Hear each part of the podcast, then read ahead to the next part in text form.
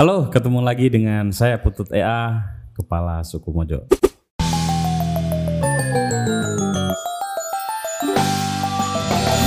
Di depan saya tamu penuh aroma buku. Irwan Bajang atau saya panggil Bajang aja ya. Apa berarti mas? Penuh aroma buku. Wih, aroma buku itu menyenangkan dan menenteramkan. Beda sama kalau kata Mas Budanul Kuri itu bedanya sama uang.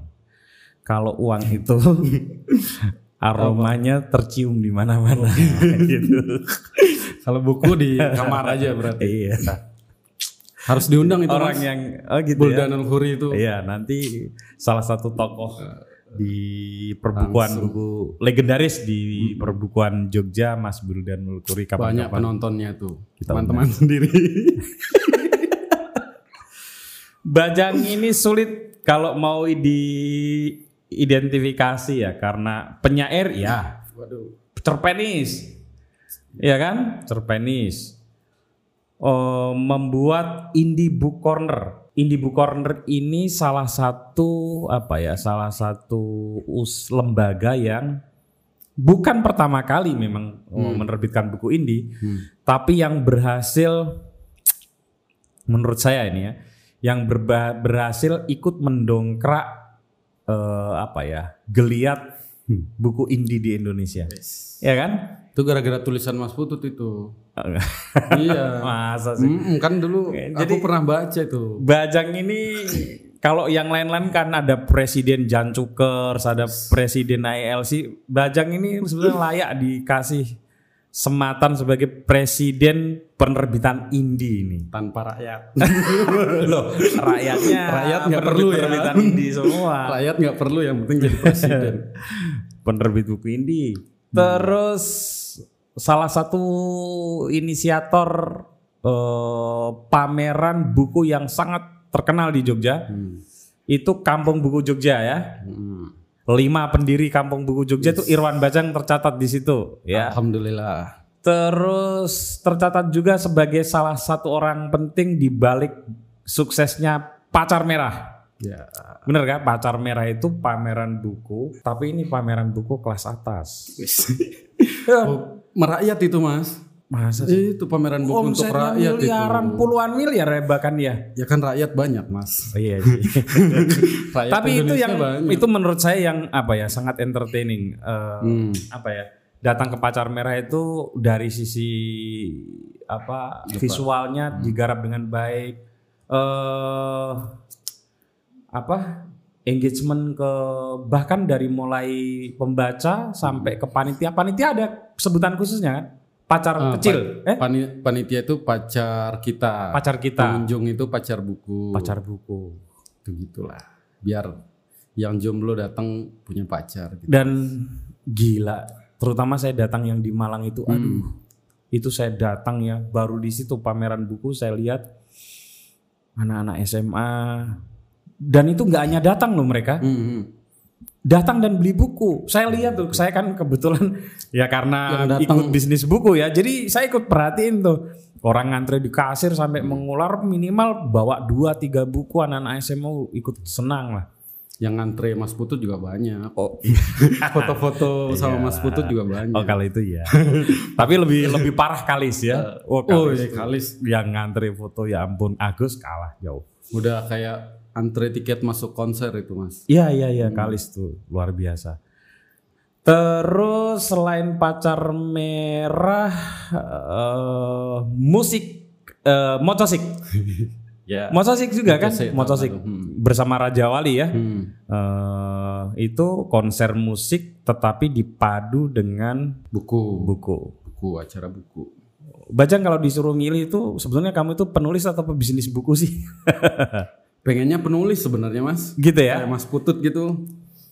Tapi kan ada banyak pekerjaan yang harus dikerjakan juga. ya ya ya ya. Kalau produktifnya seperti Mas Putut ya saya nggak perlu jualan buku. Iya iya. pengennya, pengennya da- dari awal sih datang ke Jogja pengennya jadi penulis gitu. Penulis. Cuman ternyata tidak segampang itu. Buku pertama itu apa ya judulnya? Yang demonstran-demonstran tuh.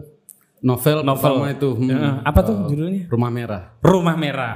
Karena yang terkenal dari dia sebenarnya bukan Rumah Merah, Kepulangan kelima ya. Setelah Kumpulan. itu kumpulan puisi. Itu buku kedua. Itu buku kedua. hmm. Buku ketiga itu- belum ya? Buku ketiga ada cerpen yang terakhir kemarin cerpen. Hmm. Terus ya itu aja sih mas. Bajang ini kalau di angkatan anggaplah begitu Hmm. ya, angkatan para penulis di Jogja dia dia itu sekitar 10 tahun di bawah saya. Jadi Hmm. satu satu generasi lah kalau di Jogja itu. Hmm. Itu barengannya siapa ya? Benny, Benny Satrio. Nah itu aku mas, eh, aku tuh di bawahnya mas Putut ya angkatan AKY lah misalnya ya mas Putut ya. Di bawahnya mas Putut kan ada Indrian Koto dan lain-lain gitu kan. Oh iya. Iya toh? iya, iya. Nah aku di bawah dia, Banyak lagi ya. bawahku itu grupnya Dea Anugrah. Rosi dan lain-lain. Aku tuh kayak di usiaku ya paling Kamu bukan barengannya dia Anugrah?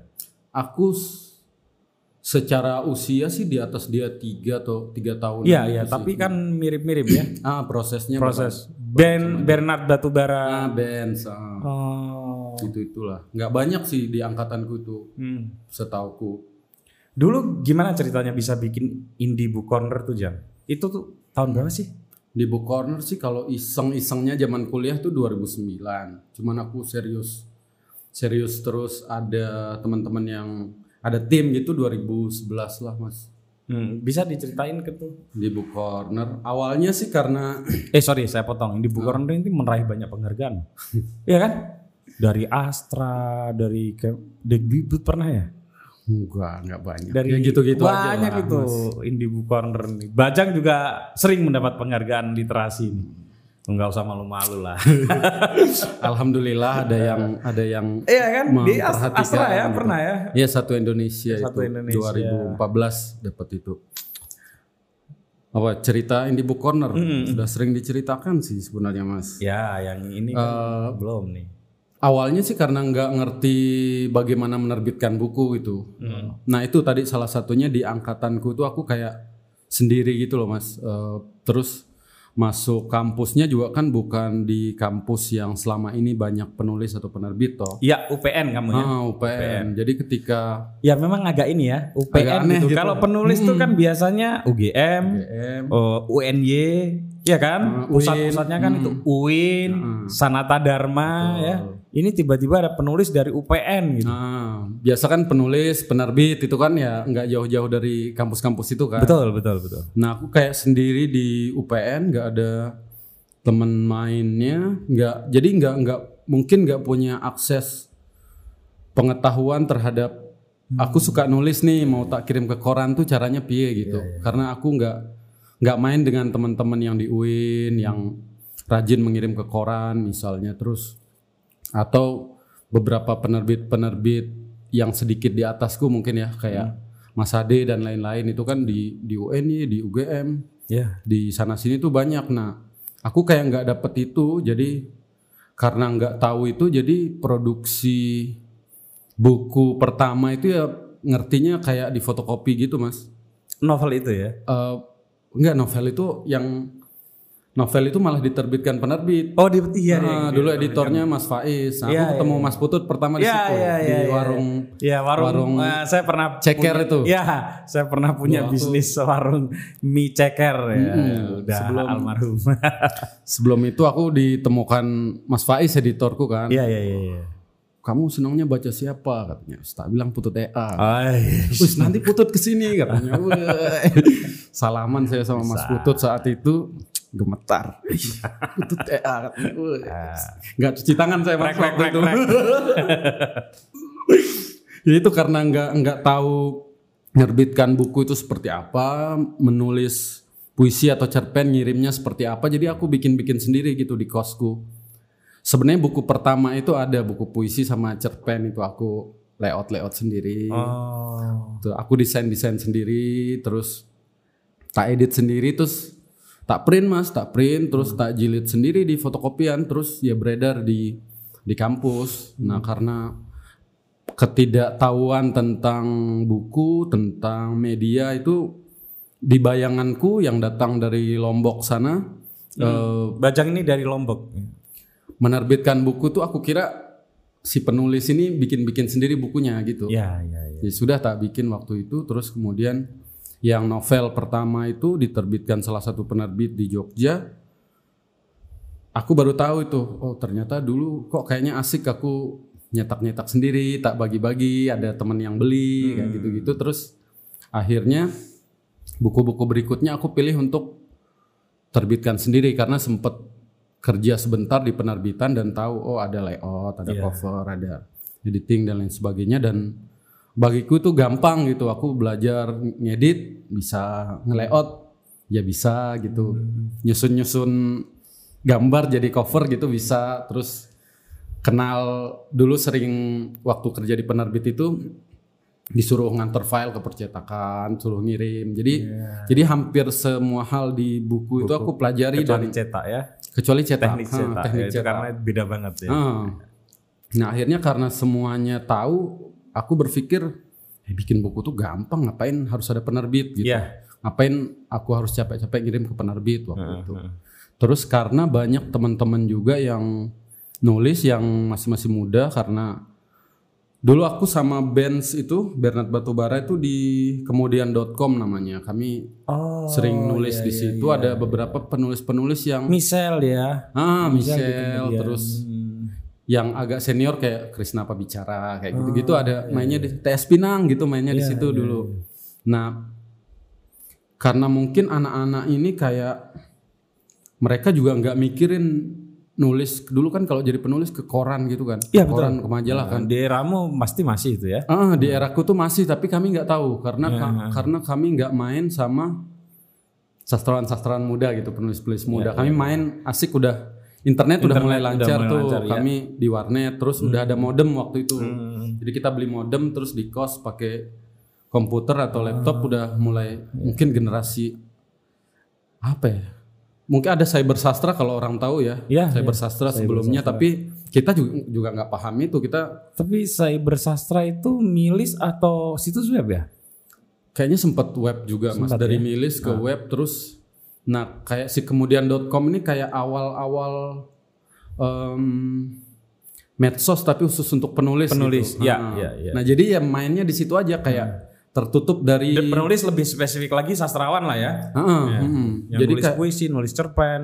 jadi kayak di situ tuh kayak sekumpulan anak-anak yang pengen nulis saja tapi nggak nggak punya pengetahuan banyak tentang how to publish Hmm. book, tulisan dan lain-lain kayak gitu. Ya udah jadi kami bikin gitu-gitu aja. Nah, teman-teman kemudian.com ini yang awal-awal aku ajak untuk nerbitin buku sendiri. Hmm. Jadi kita kayak ya sebenarnya lumrah dilakukan sih komunitas-komunitas sebelumnya. Kayak antologi bersama. gitu kami ya. antologi bersama Oke. patungan patungan 50.000 ribu nanti Nah, dapat dapat dua buku tiga buku. Iya, iya, iya, iya. Nah itu digital printing udah rame tuh di Gejayan. Oh, udah ya? Sudah bisa nyetak buku. Itu tahun situ. berapa tuh, Bajan? 2009, 2010 itu. 2010 ya? Hmm. Oke.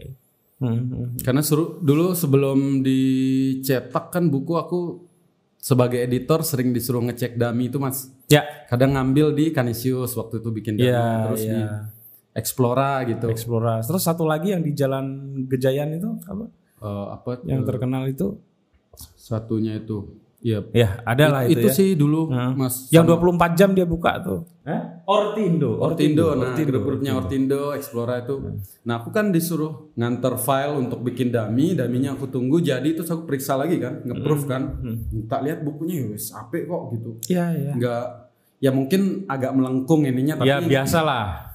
aku berpikir bahwa eh, kalau mau bikin buku banyak tentu modalnya gede banget gitu. Sementara ngelihat si dummy-nya ini udah nggak jauh beda sebagai buku menurutku. Artinya Betul. kualitas 80% sama lah. Bahkan mungkin 90%. Heeh, sudah Kan mirip banget. beda hanya di cover aja, Cover aja. covernya agak melengkung yaitu Betul. resiko dari cetak panas kan. benar. Sama bending mungkin. Tapi bending ya kalau beneran ya bagus. Iya, hmm. Ya, nyaris tidak ada bedanya. Nyaris nggak ada bedanya. Hanya kalau cover melengkung ini kan memang konsekuensi dari cetak sedikit Betul. gitu. Hmm, hmm, hmm. Nah, harus Bisa- pakai masih bisa diakali nanti ketika si IBC ini udah kenal beberapa hal gitu bisa diakali. gitu Betul. kan. Nah, karena aku ngelihat buku ya kayak gampang kayak gini gitu buku selesai kita layout, selesai bikin cover bawa aja ke Gejayan Hmm. sehari dua hari jadi gitu kalau kita cetak 20 apa 30. Nah, Hmm. aku memulai apa mindset tentang menerbitkan buku sedikit, terbatas Hmm. dan murah itu lewat situ. Ya, jadi pemirsa dan pendengar eh, buku indie ini sebetulnya dari sisi kultur penerbitan buku di Indonesia itu cukup revolusioner. Karena gini ya, dulu kalau orang mau menerbitkan buku ya bajang ya, mesti harus menyetorkan naskahnya dulu ke penerbit. Ya, betul. Harus dikurasi tuh, menunggu jawabannya Bulan, saja. tiga bulan gitu. Wih, kadang tahun. Hmm. Kadang, Kadang nggak ada tahun. jawaban ya, Mas. Kadang nggak ada jawabannya. Benar, benar. Bahkan ada salah satu sastrawannya, Mah- Mahfud lah, Mahfud. Hmm, Mahfud ya itu betul. menunggu dua tahun. Hmm. Padahal eh, Mahfud Ikhwan kan sastrawan hebat ya. Iya betul. Nah, kita ketika memasukkan ini apa naskah ke penerbit nggak ada jawaban ya udah bingung. Betul. Pindah paling ke penerbit yang lain. Nah, sementara dari sisi penerbitan untuk mencetak buku itu dulu minimal seribu Iya betul. Karena ya men, ya penerbitan Bahkan kan punya- seribu tuh dikit banget ya mas. dikit termasuk dikit Hmm. jadi sebetulnya kalau mau standar ya secara keekonomian Hmm. gitu itu dicetaknya itu sebenarnya tiga ribu 3.000. Hmm. tiga ribu tapi tiga ribu itu kan duitnya gede Betul. duit gede perjudian yang dilakukan oleh penerbit itu besar Ya. sehingga penerbit-penerbit kecil itu juga harus hati-hati dalam Ya. menerbitkan Mhm. buku gitu Ah. karena itu perjudian bisnis itu ih kalau teman-teman tahu ya bisnis buku itu mengerikan sih karena gini bayangin ya Ah. saya kasih gambaran sederhana satu penerbit nerbitin 3000 saja itu nggak mati 30-40 juta Iya betul. Hmm. Ya kan? Betul. modalnya Modalnya. Hmm. itu kalau bener-bener nggak laku itu bisa loh setahun Bablas. hanya laku 200-300 eksemplar nah jadilah itu beban Hmm. Nah, sementara dengan adanya penerbit indie ini banyak sekali perubahan. Iya. Menerbitkan buku tidak harus lewat penerbit besar, Hmm. ya kan? Tidak harus dikurasi yang ketat. Penerbit juga apa? eh, Kita juga bisa mencetak hanya 20, 30, 50 eksemplar. Resiko tidak lakunya bisa ditekan dari Bisa awal. ditekan, Hmm. betul. Sehingga ma- satu keuntungannya makin banyak orang yang punya akses agar karyanya diterbitkan menjadi buku. Iya. Karena menurutku tidak ada urusannya loh kualitas karya dengan diterbitkan oleh siapa. Oleh penerbit mana? Menurutku begitu. Iya betul. Aku Banyak penerbitan Hmm. indie yang menurutku secara kualitas kekaryaannya itu Ah, hmm. jauh luar biasa dibanding eh, penerbit-penerbit Betul. besar Hmm. gitu. Yang kedua adalah itu meningkatkan nilai stres orang, derajat stres orang Ah. ketika berbisnis buku. Iya betul. Karena nyetak 50 laku nanti cetak lagi itu lama-lama sama juga gitu. Iya, lama-lama ya 3000 juga kalau laku. 3000 juga bahkan Hmm. bisa lebih Hmm. gitu. Nah itu salah satu aktornya yang di Book Corner ini. Mindsetnya dari awal aku berpikirnya gitu sih mas. Hmm. Eh, artinya aku juga kan anak kos ya waktu itu masih kuliah gitu. Hmm. Eh, kuliah juga lama gitu, nggak Nah. nggak nggak nggak tahu mau ngapain gitu. Sementara aku punya banyak teman-teman penulis muda di kemudian.com, terus di medsos sudah mulai ada ya, di multiply waktu itu, terus di Facebook dan lain sebagainya. Em, penulisnya banyak banget dan ketika sempat bekerja sebentar banget sih aku kerja di penerbitan, tapi setidaknya kelihatan lah di di redaksi itu bagaimana orang bagaimana sebuah penerbit menimbang eh, buku untuk terbit itu Ya.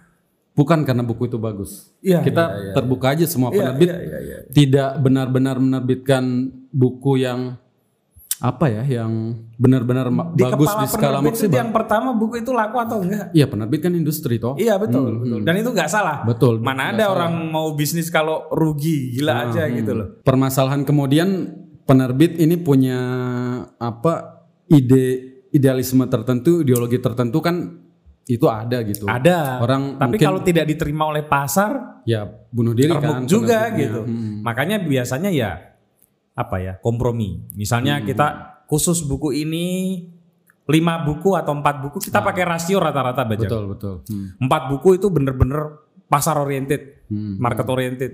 Satu buku idealisme. yang bikin kita senang. Ya, yang kita senengin. Karena kalau yang kita senengin nggak diterima oleh pasar, bangkrut. Iya pasti. Dan itu tadi resikonya gede banget. Kecuali bisa membangun benar memang ini apa frame buku ini menuju pembaca yang spesifik gitu. Cuman itu kan kerja yang panjang. ya. Panjang banget. Ada sih beberapa penerbit yang bisa seperti itu di Indonesia ada berapa. Di luar banyak. Hmm. Nah, dulu sih karena ya kalau disebut menulis atau berkegiatan di dunia buku, aku tuh kayaknya tidak lahir dari sastra koran atau tulisan jenis koran gitu loh. Ya. Lah- Lahirnya dari internet, Dari tapi eranya masih warnet dan modem gitu, belum belum smartphone banget. Anu gitu. ya, uh, uh, generasi antara. Generasi, antara. Nah, itu kan stres juga sebenarnya berada di situ Iya, tuh. karena nggak jelas temennya. ide- identitas dirinya itu Betul. Hmm. sebagai karir lah, pro- karir sebagai penulis tuh. Ah. Ini mau portofolionya dibangun dari mana sih gitu? Betul. Kal- Kalau kalau saya kan jelas harus dari koran gitu. Betul. Dari koran gitu. Kalau sering ya udah dikenal jadi penulis, malah nerbitin buku ya sudah jadi di penulis. digital sekarang tinggal menyesuaikan aja gitu Ya, kan. ya, nah, aku ada di antara itu eh, internet sedang bertumbuh. Hmm. eh, koran, Koran sudah agak sedang, tidak diminati. sedang mulai menurun. Ya. Nah, kita berada di situ. Ya ya ya ya. Nah, eh, karena hobiku itu belajar apa pun di warnet waktu itu ya tengah malam nyari happy hour gitu kan. Hmm. Ya. 2000 sejam sampai subuh nanti. Ya. Makanya itu aku browsing ya bagaimana menerbitkan buku gitu. Hmm. Ya di awal aku pernah ngirim tulisan-tulisan awalku ke penerbit dan tidak ada jawaban sama sekali gitu karena ya siapa anak ini tulisannya nggak pernah di koran nggak pernah ya nggak ada yang kenal gitu kan Hmm. lama kelamaan aku sekarang aku udah paham bahwa ya itu hal konyol yang aku lakukan waktu aku ngirim ke penerbit tanpa ada portofolio apa pun Iya, iya. gitu nah aku browsing ke beberapa perkembangan buku di luar sih Di luar. waktu itu Ya. Aku lihat lulu.com, terus IndieBound, terus Authors Den sama KDP-nya Amazon itu marak di luar itu self publishing atau vanity publishing. Nah, Hmm. wah, aku lihat oh, ini kan ilmu yang ada yang mereka share itu sama kayak ilmu yang aku dapat ketika aku kerja sebentar di penerbitan ini sekitar 8 bulan aku kerja di situ ambil kuliah.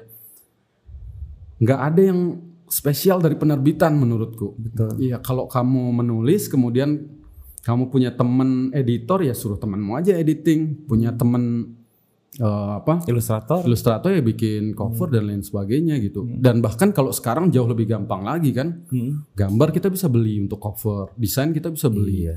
Orang-orang nge-share portofolionya banyak banget Bener, bener. dan murah kan. Murah. Artinya dulu sih aku membayar sebelum benar-benar masuk ke industri buku itu aku membayangkan ini the end of publishing industry dalam kepala Iya iya iya. kepala anak muda yang liar waktu itu the end of industry nih. Eh, aku nggak nggak perlu banget sama penerbitan gitu. Iya, iya. Aku sendiri aja nerbitin bukuku terus mulai membangun sendiri misalnya kalau dulu kan blogger ya kalau kamu blogger Iya, terkenal ya di blogmu banyak pengunjung jual buku di situ aja sekarang ya sekarang ya Medsos lah. medsos lah sekarang Eh, perkembangannya jadi jauh lebih gila lagi Eh, artinya ke depan masa depan yang aku bayangkan itu eh, di dunia perbukuan ya khususnya seorang penulis ini memang mungkin bisa aja nggak butuh penerbit lagi Ke depan bisa jadi kayak gitu. Mm-mm. dan sekarang kan beberapa udah melakukan itu mas Iya iya.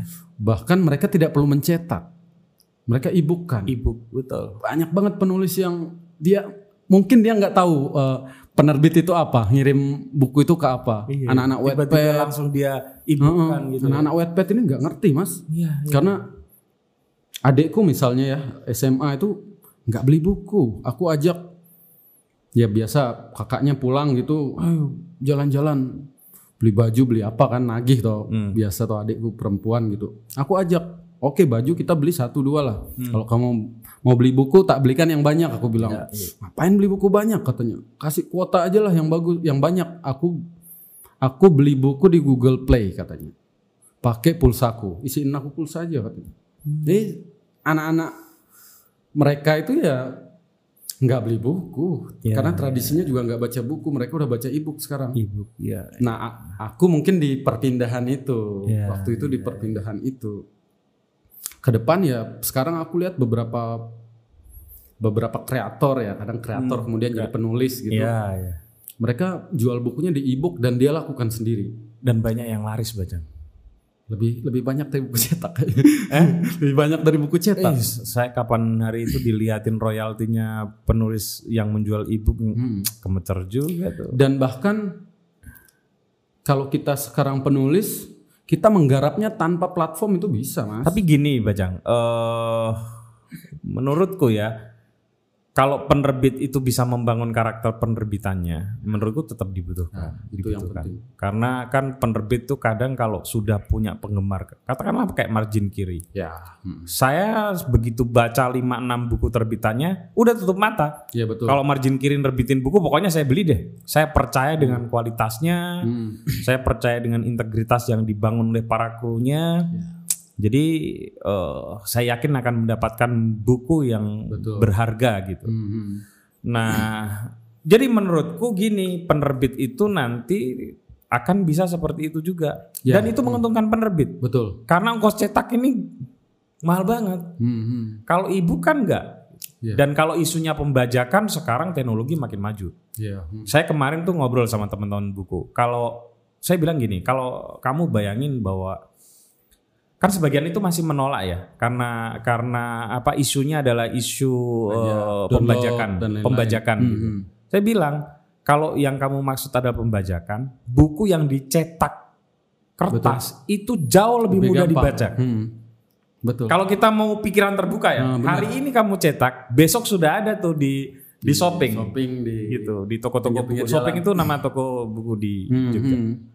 Udah ada. Hmm. Tapi teknologi digital tuh sekarang makin susah. Betul. Dia di enskripsi sekian Di-enkripsi, seperti iya, apa, nggak bisa di Paling bisanya itu harus di capturein atau kalau nggak di foto ulang. Bayangin tuh, Betul. effortnya lebih lebih gila dibanding orang masukin mau apa buku ke percetakan. di scan dulu, Di-scan layout dulu ulang kan, gitu. iya. Ya pembajakan di baik dicetak maupun di digital bisa dilakukan, tapi Bisa effort- dilakukan. effortnya ke digital sekarang kayaknya agak agak lebih susah lagi. agak lebih susah dan bagi orang yang nggak mengikuti dunia itu dianggapnya karena dipikirnya ini digital gitu ya pasti lebih mudah ah, berarti dia nggak ngerti Betul. gitu Hmm, hmm. Iya kan berarti dia mereka ini yang menganggap bahwa buku yang digital atau e-book Adalah ini lebih mudah di pikirannya PDF, PDF yang bisa oh, dikirim-kirim. enggak, Hmm. enggak, enggak. beda banget beda banget dan itu saya sudah uji juga di perpustakaan nasional Ya. kita kalau pinjam itu enam hari misalnya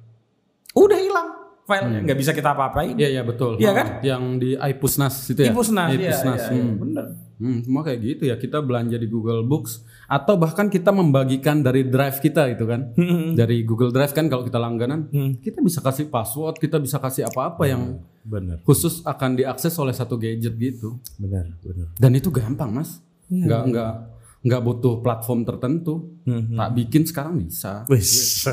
Iya padahal ada sosokan. Iya maksudku gampang gitu. Eh, Teknologinya sudah sudah gampang banget untuk itu. Nah, gimana kemudian kok eh, merambah lebih luas lagi ke pameran buku, Bajang? Dulu, sebentar supaya dapat konteksnya. pameran buku itu apa ya? Ya, kayak pameran buku biasa gitu. Rutin gitu ya. Rutin di layout ala kadarnya, yang penting ada diskon. Diskusi atau acara buku pun tidak ditampilkan dengan sangat menarik Tempelan, tempelan. tempelan betul. Nah di eh, pameran buku Jogja, Kampung Buku Jogja ya, Kampung Buku Jogja itu pameran buku tahunan yang di, eh, dikerjakan oleh dulu didirikan oleh Bajang dan teman-temannya, termasuk Adi Ma'ruf, Mas Arief. Mas Arief gitu, dan termasuk Pacar Merah gitu. Itu beda banget. Itu juga me apa ya babak baru lah dalam dunia dalam dunia Festival buku. Heeh, dalam dunia Festival pameran ya, buku, Pameran ya. buku ya. itu babak baru Hmm. karena dari dulu aku mendapatkan pengalaman wah ini nih menarik nih kalau pameran buku kayak Kampung Buku Jogja kayak Hmm, Pacar Merah gitu itu jelas-jelas beda banget dengan pameran-pameran buku sebelumnya Oke. Mhm. Iya sih. eh, jadi kalau aku sih ini ya mas apa dulu karena nggak ada teman mainnya di kampus yang agak jauh dari pusat peradaban perbukuan ini gitu hiburannya itu selalu datang ke acara-acara buku. Aku nggak kenal siapa yang bikin. Dulu mungkin ya Indrian Koto atau siapa yang bikin ya aku datang aja nonton. Oh, gini ya bikin diskusi buku ya gitu, bedah buku dan lain sebagainya. Aku ke pameran buku ngeliati dari jarak jauh, oh ada pameran buku, terus ada bedah buku namanya, ada talk show dan lain-lain. Aku amatin itu dan senang ya. Karena senang buku, senang membaca, suka menulis, mencari hiburan alternatifnya dengan itu sama dulu satu temanku si Renggo itu. Cuma Renggo, kami berdua aja gitu.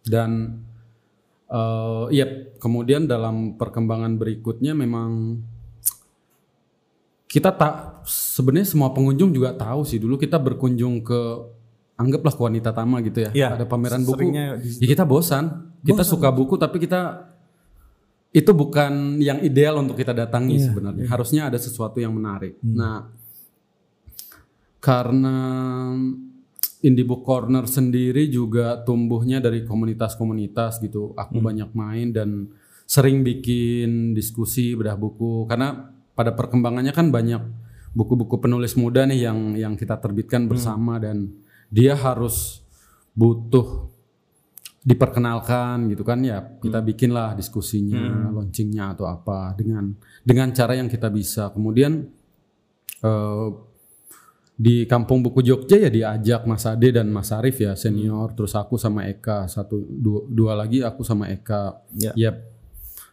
ide awal yang aku punya dengan Eka mungkin yang lebih muda dengan konsep-konsep yang berbeda kita kembangkan dengan te- senior dua dua senior buku kita ini kan ya dia paham bagaimana buku itu dihargai kan Mas, Iya. Mas Ade dan Mas Eka kan Iya, iya. Nah, aku dan dan Eka mungkin eh, bagaimana buku ini ramai eh, teman-teman muda datang asik dan lain sebagainya ya mungkin KBJ perpaduannya itu sih menurutku Menurut kekuatan kuncinya dua itu. adalah kalau datang ke pameran kayak KBJ dan Pacar Merah itu kita menemukan kehangatan ya hmm, dan situasi atmosfer buku itu ada. betul hmm. Jadi kalau ngikutin diskusinya kita juga bisa fokus, tenang gitu. Acaranya di dikreasi dengan baik, acaranya dipikirkan sih, dipikirkan Mas. dengan Hmm, baik, artinya desainnya gitu. kalau dulu mungkin pameran buku ya gebiar buku apa gitu kan buku diskon murah Hmm, apa buku sembarangan. cuci gudang dan lain sebagainya Iya, identiknya buku kan jadi dengan kelihatan itu. murah banget, Murah. tidak ada harganya, padahal itu produk intelektual gitu. kita datang ke sana ya ingin cari buku murah pasti Iya. nah Tapi buku murah tapi nggak perlu dong dikasih obral buku Betul. gitu atau apa gitu. Jadi pengunjung itu untung-untungan kalau dulu mas mendapat buku yang bagus kan kadang kita dapat nih Iya. bukunya siapa harganya 5000 misalnya Iya, iya sih. Eh, kita untung-untungan aja Benar, Eh, benar, hanya pencinta buku atau yang teliti mencari itu yang dapat Ya. Eh, pengunjung biasa nggak dapat Ya, gitu. Ah, nah waktu kemudian pacar merah eh, aku kenal Windy sih ya dalam dalam beberapa kali acara kami sering bareng gitu terus kayaknya klik nih eh, obrolannya dengan Windy terus Windy ini maksudnya Mbak Windy Aristanti ya. Windy Aristanti jadi pacar merah nih aku Windy dan Randy Iya. Randy. Mbak Windy ini kalau nggak salah dulu redaktor di Gagas Media ya. dulu Atau pemretnya Gagas Media terus direkturnya Ga- Gagas Group kalau nggak salah Oke, Gagas Group gitu nah terus dia juga lama nih eh, menepi dari dunia buku. Hmm. Eh, terus punya beberapa kegelisahan tentang dunia buku. Nah Hmm. aku beberapa kali ketemu beberapa obrolan kami itu cocok gitu.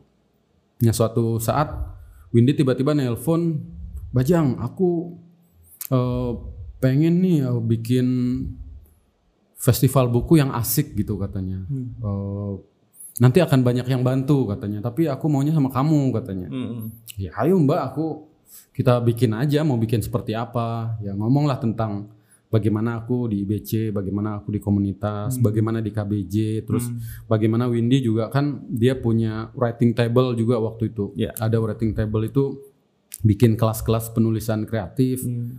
dan di luar penulisan ada fotografi ada film ada branding dan lain sebagainya. Nah ketemulah obrolan itu ayo kita bikin eh, ketemu nih eh, kegelisahan kita ada pada ya Windy backgroundnya pernah di penerbit yang besar, Besar banget juga, kan. Sementara aku di penerbit eh, Indie. indie indian ala Jogja Jogja ini. Sementara Mbak Windy di Jakarta, Betul. kamu khas Jogja, Jakarta gitu Jogja ya. nih. Nah waktu ngobrol itu klik lah. Eh, aku punya kegelisahan sendiri mewakili teman-teman. Windy punya kegelisahan sendiri mewakili industri buku. Eh, bagaimana eh, buku tidak tersebar merata, bagaimana orang belakangan pameran buku di mall, di tempat-tempat yang mewah dan dan orang jadi aduh mau masuk sana kok kayaknya Mahasiswa aku mulu nggak merakyat ya, nggak nggak merakyat gitu. Iya. Udah gemetar dulu Udah lututnya, gemeter. gitu. eh, dan ini Apalagi jang gini jang, ironisnya Nah. tau nggak kalau kayak gitu tuh. Di mall obral buku. Heeh. Di sampingnya itu Obral kopi. Hmm. Enggak, kopi apa tuh? eh, kalau yang di mall tiba-tiba lupa aku kopi yang Starbucks. Heeh. Satu kopi lima puluh ribu, buku dibanting harganya sepuluh ribu. 10.000. Uh, itu ironis bro. Ironis sedih, sedih kita mas.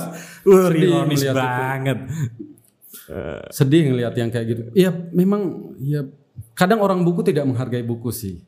Banyak orang buku tidak menghargai buku juga dengan pelakuan-pelakuan seperti itu. Nah, ketemulah ini eh, beberapa kegelisahan ini diaduk bareng sama Windy gitu bahwa di luar kegelisahan kami di Windy pernah di industri, aku di industri yang buku besar ya, yang serius gitu.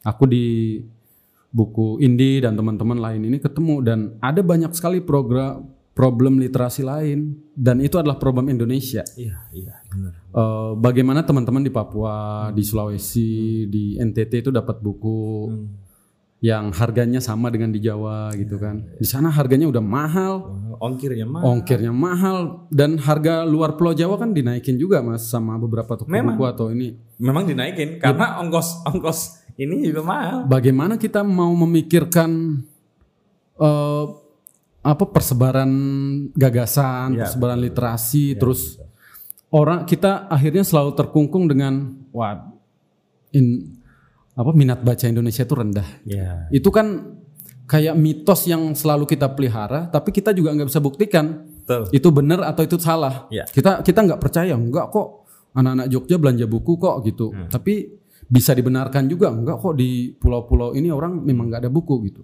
Nah, aku sama Nggak ada ya, bukan berarti nggak mau baca ya. Betul. Memang aksesnya Oh. nggak ada Hmm. gitu. Nah, akses. Akhirnya kami di Pacar Merah poin utamanya itu akses dan penyebaran buku. Yes. Eh, itu menurut kami em, problem terbesar di Indonesia dan dunia perbukuan. Itu yang membuat juga industri buku tidak sebesar yang seharusnya karena tidak bisa menjangkau seluruh rakyat Indonesia. Padahal pasar di sini gede banget. Pasarnya 250 juta. Anggaplah yang terliterasi itu separohnya aja. Iya gede banget. Gede banget. Tapi kan beberapa penerbit ngeluh, oh cetak seribu nggak habis, cetak tiga ribu retur gitu kan. Iya. Ada banyak problem yang belum terselesaikan.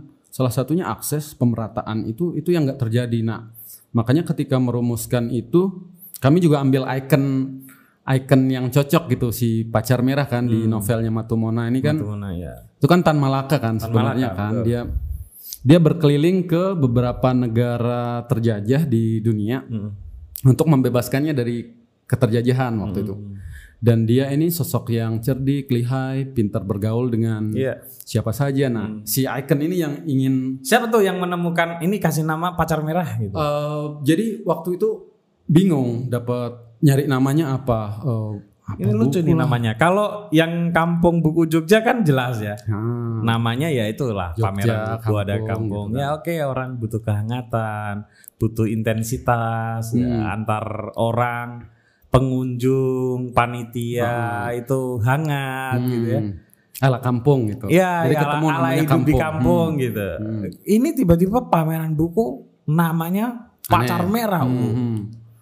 Nah itu memang susah menemukan nama itu mas. Hmm. Opo yo, mosok opo keliling buku kah atau muter-muter buku atau pemerataan buku nggak ada yang cocok gitu. Coba eh, kita coba keluar dari frame yang ada bahwa eh, literasi itu juga bukan hanya buku gitu. Hmm. Nah suatu saat lama itu aku sampai tiga bulanan lah dalam proses godok-godok itu belum ada nama. Terus tiba-tiba Windy bilang, Jang kamu pernah baca buku ini enggak katanya? Wah aku punya bukunya, aku bilang tak fotoin, aku punya edisi lama nih, terbitan jendela, Jendela sama Jendela, ya, hmm. pacar merah. terbitan Mas Ade. Nah, Oh, aku lihat, aku punya bukunya, kayaknya pacar merah asik ya katanya Windy ya. Wes bungkus mbak cocok aku bilang gitu. Pacar merah. Jadi eh, pacar merah ini kami berdua juga dari satu buku yang yang bikin kami klik gitu suka. Karena Windy kan suka perjalanan ya dia nulis Iya. perjalanan jalan-jalan. Nah di Lalah aku juga baca buku ini ya wes jadilah pacar merah itu. Tadinya sempet akar buku atau apa-apa gitu kita mikirin. Oh, pacar merah, oke pacar merah menarik. dan meledak sebagai brand kuat banget Hmm. gitu. Nah, eh, saya kasih catatan sedikit lagi ya teman-teman ya. Kampung Buku Jogja itu juga merevolusi venue atau tempat dihelatnya acara. Dulu itu yang namanya pameran tuh kalau di Jogja gedung wanita taman. Gitu-gitu ya, nggak pernah berpindah-pindah. Kalau pindah ya tempatnya yang mirip-mirip Mirip-mirip, gitu. Nah, Kampung Buku Jogja itu tiba-tiba bikin di eh, Lembah UGM. Lembah UGM. Wah. Cerdik ini gitu. Saya terus terang ya ikut bangga lah dengan apa situasi perbukuan di Jogja. Gila ini teman-teman ya. eh, bikin acara pameran buku di venue yang tidak pernah dibayangkan orang. Hmm. Lembah UGM. Orang biasanya untuk pacaran atau untuk olahraga untuk itu tiba-tiba bikin dan bagus banget acaranya. Hmm. Bagus, keren, keren banget. Aduh, keren. Nah, Pacar Merah juga membuat revolusi venue. Di gudang. Kalau yang di Jogja di gudang. Wah, yang lebih ngeri lagi di Malang. Malang. Malang paling asik. gila. Saya kebetulan ngisi acara di situ kan dua kali. Hmm. Itu gedung bioskop tua Yang udah runtuh. udah hampir Udah runtuh. ambruk ya. Hmm. Di di itu ada nggak sih ada pembangunan ulang gitu nggak sih? Enggak, ya. Itu Cuma- udah udah mati kan bioskop juga mati setelah Nggak maksudnya ketika mau dipakai pacar Ah, di- merah. renov, di renov. Sedikit ya, direnov lah ya. Dibersihkan lah. Eh, Dibersihkan biar tapi biar terus nyaman. di di desain Ya, lagi ya hmm, dalamnya interiornya bah itu keren banget Ya, di Semarang juga di gedung tua di, ya? di kota tua. Hmm. di kota tua wah itu lebih dari jadi pacar merah menurut saya ya lebih dari sekedar eh, pameran buku itu Hmm. dan mungkin Bajang juga belajar dari kampung buku Jogja Iya, gitu pasti. ya Hmm. Belajar dari kampung buku Jogja, belajar dari Windy juga. Windy ya mungkin jam terbang dia Oh. Jam- jauh lebih jam tinggi terbangnya tinggi, di dia- berbagai negara Oh. dia ikut pameran Ya, ya kan hmm, dia sering berkunjung ke beberapa pameran-pameran aneh gitu ya, festival aneh dia berkunjung terus ya em, inilah eh, klik lah untuk ngobrolin itu di buku wacananya dan lain sebagainya sampai kemudian ya pacar merah tapi bukan pameran buku. Kita menyebutnya festival kecil literasi. Hmm, harus ada kecilnya itu. Kecil. festival kecil literasi dan pasar buku keliling Nusantara. Eh, itu udah satu satu nama dengan si pacar merahnya tagline-nya itu. Eh, kenapa kecil? Karena ya kecil itu kan gampang bergerak dan lain sebagainya dan memang lincah ya. Hmm, lincah. Terus pasar buku yang kita hadirkan pasar buku. Tapi omsetnya saya dapat bocoran. Aduh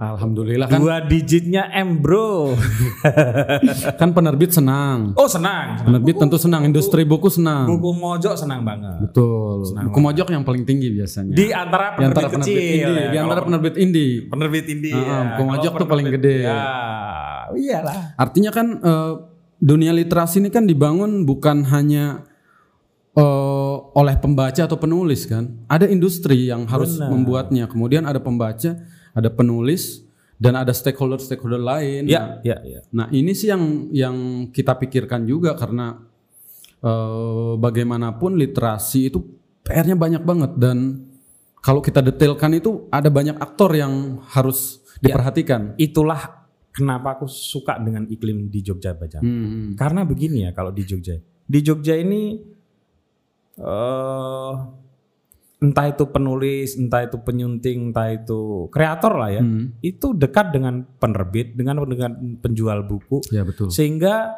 dekat dengan semua stakeholder Ya. industri. Sehingga antar orang antar pihak itu terbiasa untuk tidak berpikir parsial gitu. Hmm.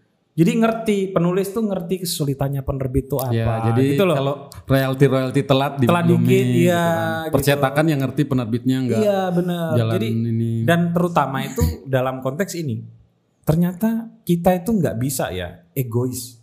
Hmm. Kalau mau memajukan satu satu hal tertentu Hmm. itu kita membutuhkan semua stakeholder. Betul. Hmm. Iya kan?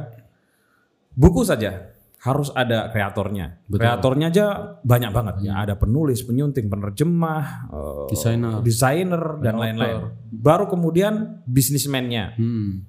Ada percetakan, ada penerbitan, ada penjualnya. Wah itu mata rantai Ada panjang dan agak ada kompleks gitu ya. Itu kalau kita nggak ngerti itu, itu sangat egois loh. Betul. Hmm. Kita maunya buku kita itu gini gini gini, tapi nggak mikirin tuh ada ada pihak lain yang akan sengsara dengan keputusan kita gitu. Hmm, hmm. Kayak kayak gitu. Juga bagaimana ke pembaca. Kita kan jarang mikirin pembaca. Kadang industri buku tuh jarang kita mungkin di penerbit atau penulis kadang kan nggak nggak begitu mikirkan pembaca. lah. Benar. Lah industri ini mustahil besar kalau end usernya dalam hal ini pembaca itu tidak tidak dibina dan tidak tidak banyak. Iya. eh, menjangkau si bisnis literasi ya buku bisnis buku ini. Dia tidak mungkin besar kalau pasarnya tidak membesar. Iya. kalau hambatannya adalah distribusi hambatannya adalah pemerataan ya ini yang harus dikerjakan bareng. Si si industrinya si stakeholder lainnya penulisnya kah eh, kreator lain itu ya bagaimana ini merata sampai ke masyarakat? Ini besar.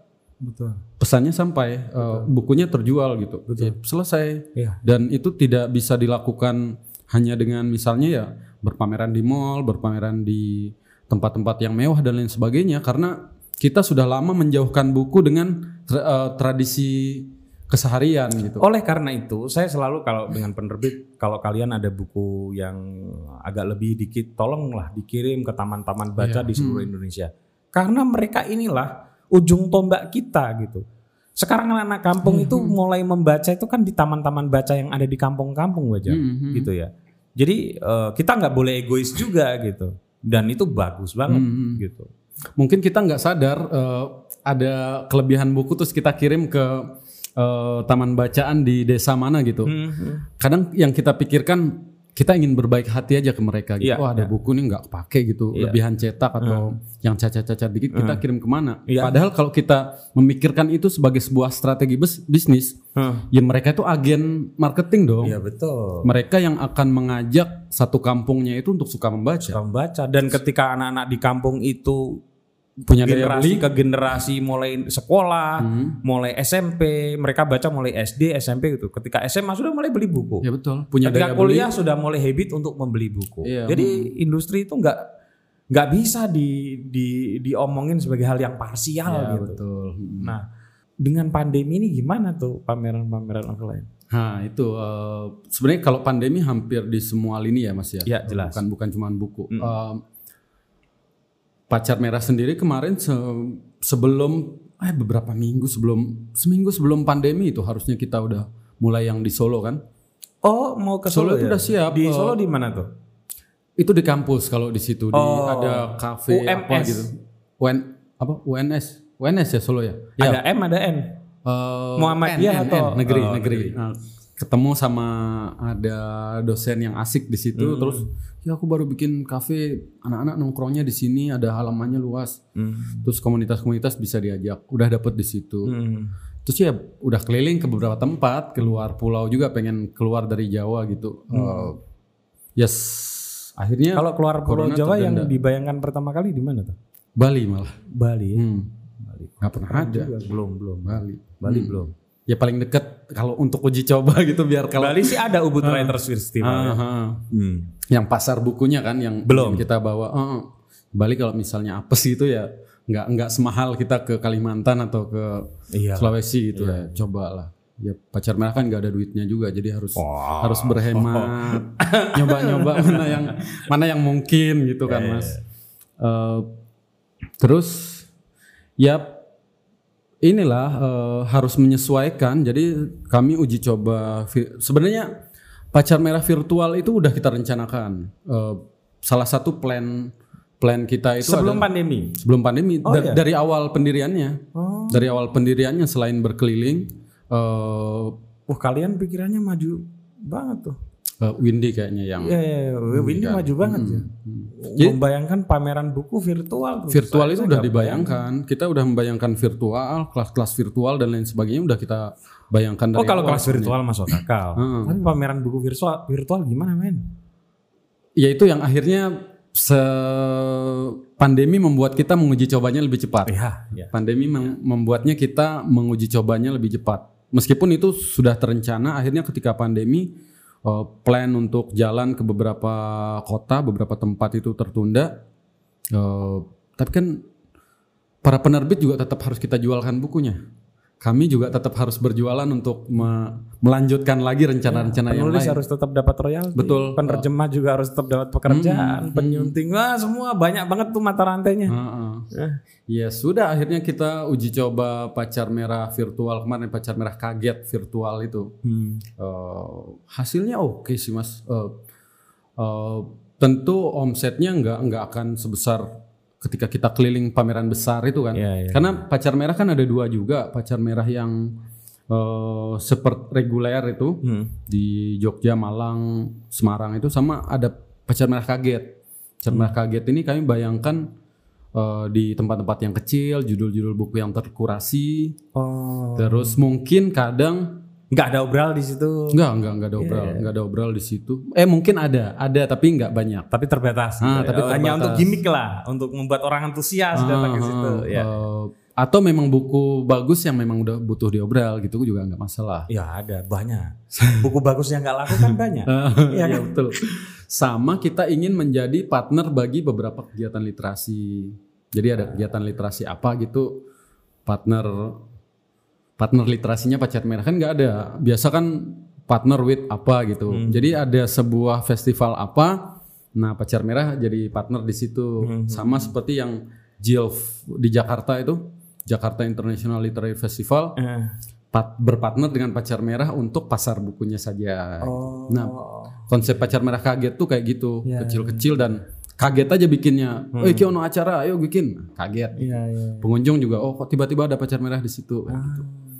Nah, ketika virtual kita coba yang kaget virtualnya itu karena yang di Solo kan kaget juga sebenarnya. Eh, pacar merah kaget Solo. Hmm.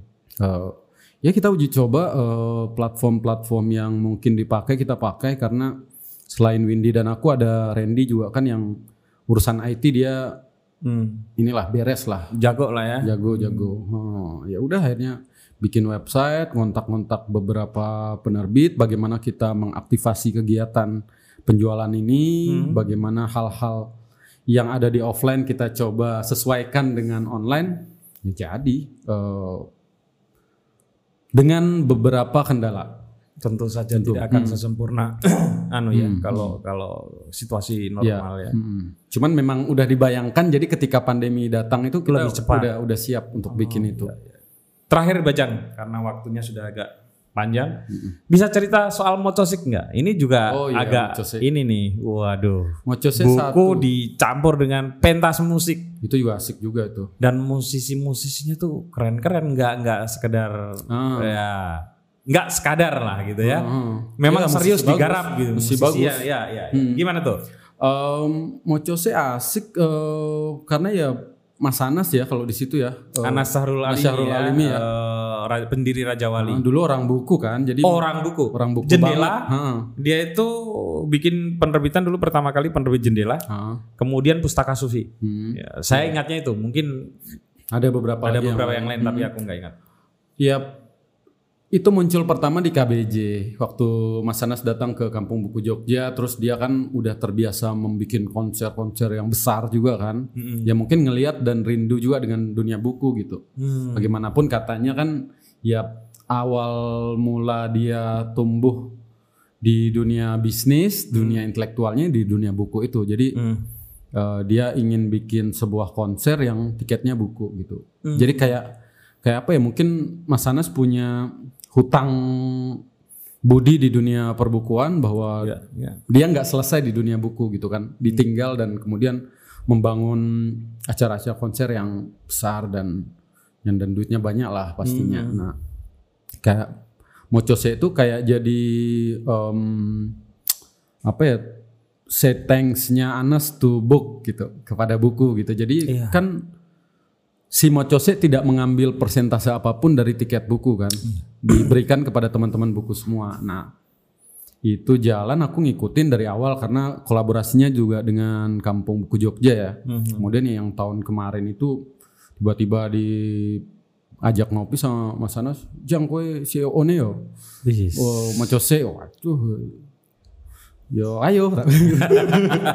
Ya, mari. ya kan prestis toh Mas, nggarap itu kemudian ya Ya, itu skalanya gigantik loh.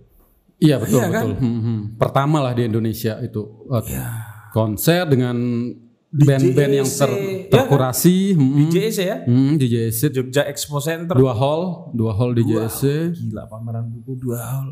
Ya aku senang aja diajakin untuk itu yang bagiku eh, ketika diajakin gitu kemudian ke KBJ, ke Pacar Merah, ke Mocose ini aku menilik ulang diriku ketika nggak paham apa-apa di dunia buku itu Mas. Eh, aku datang ke Togamas untuk lihat orang bedah buku, gitu. Iya. datang ke UIN, datang ke mana Taman Budaya, nggak tahu apa-apa tentang orang membuat sebuah acara yang bagiku menarik. Ya.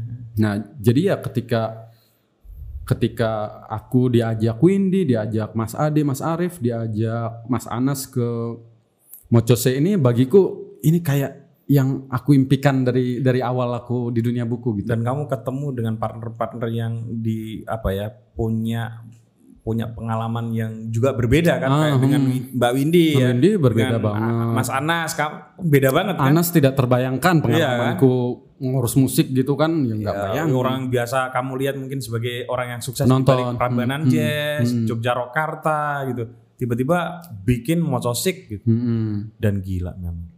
Ya akhirnya semuanya akhirnya jadi perpaduan-perpaduan itu sih Mas. Apa Mak- ya, makanya saya bilang Bajang ini komplit pengalamannya. Komplit banget, komplit banget. ya senang senang sih Mas eh, senang banyak temen diajakin ngapain itu aku orangnya ayo aja. Ya.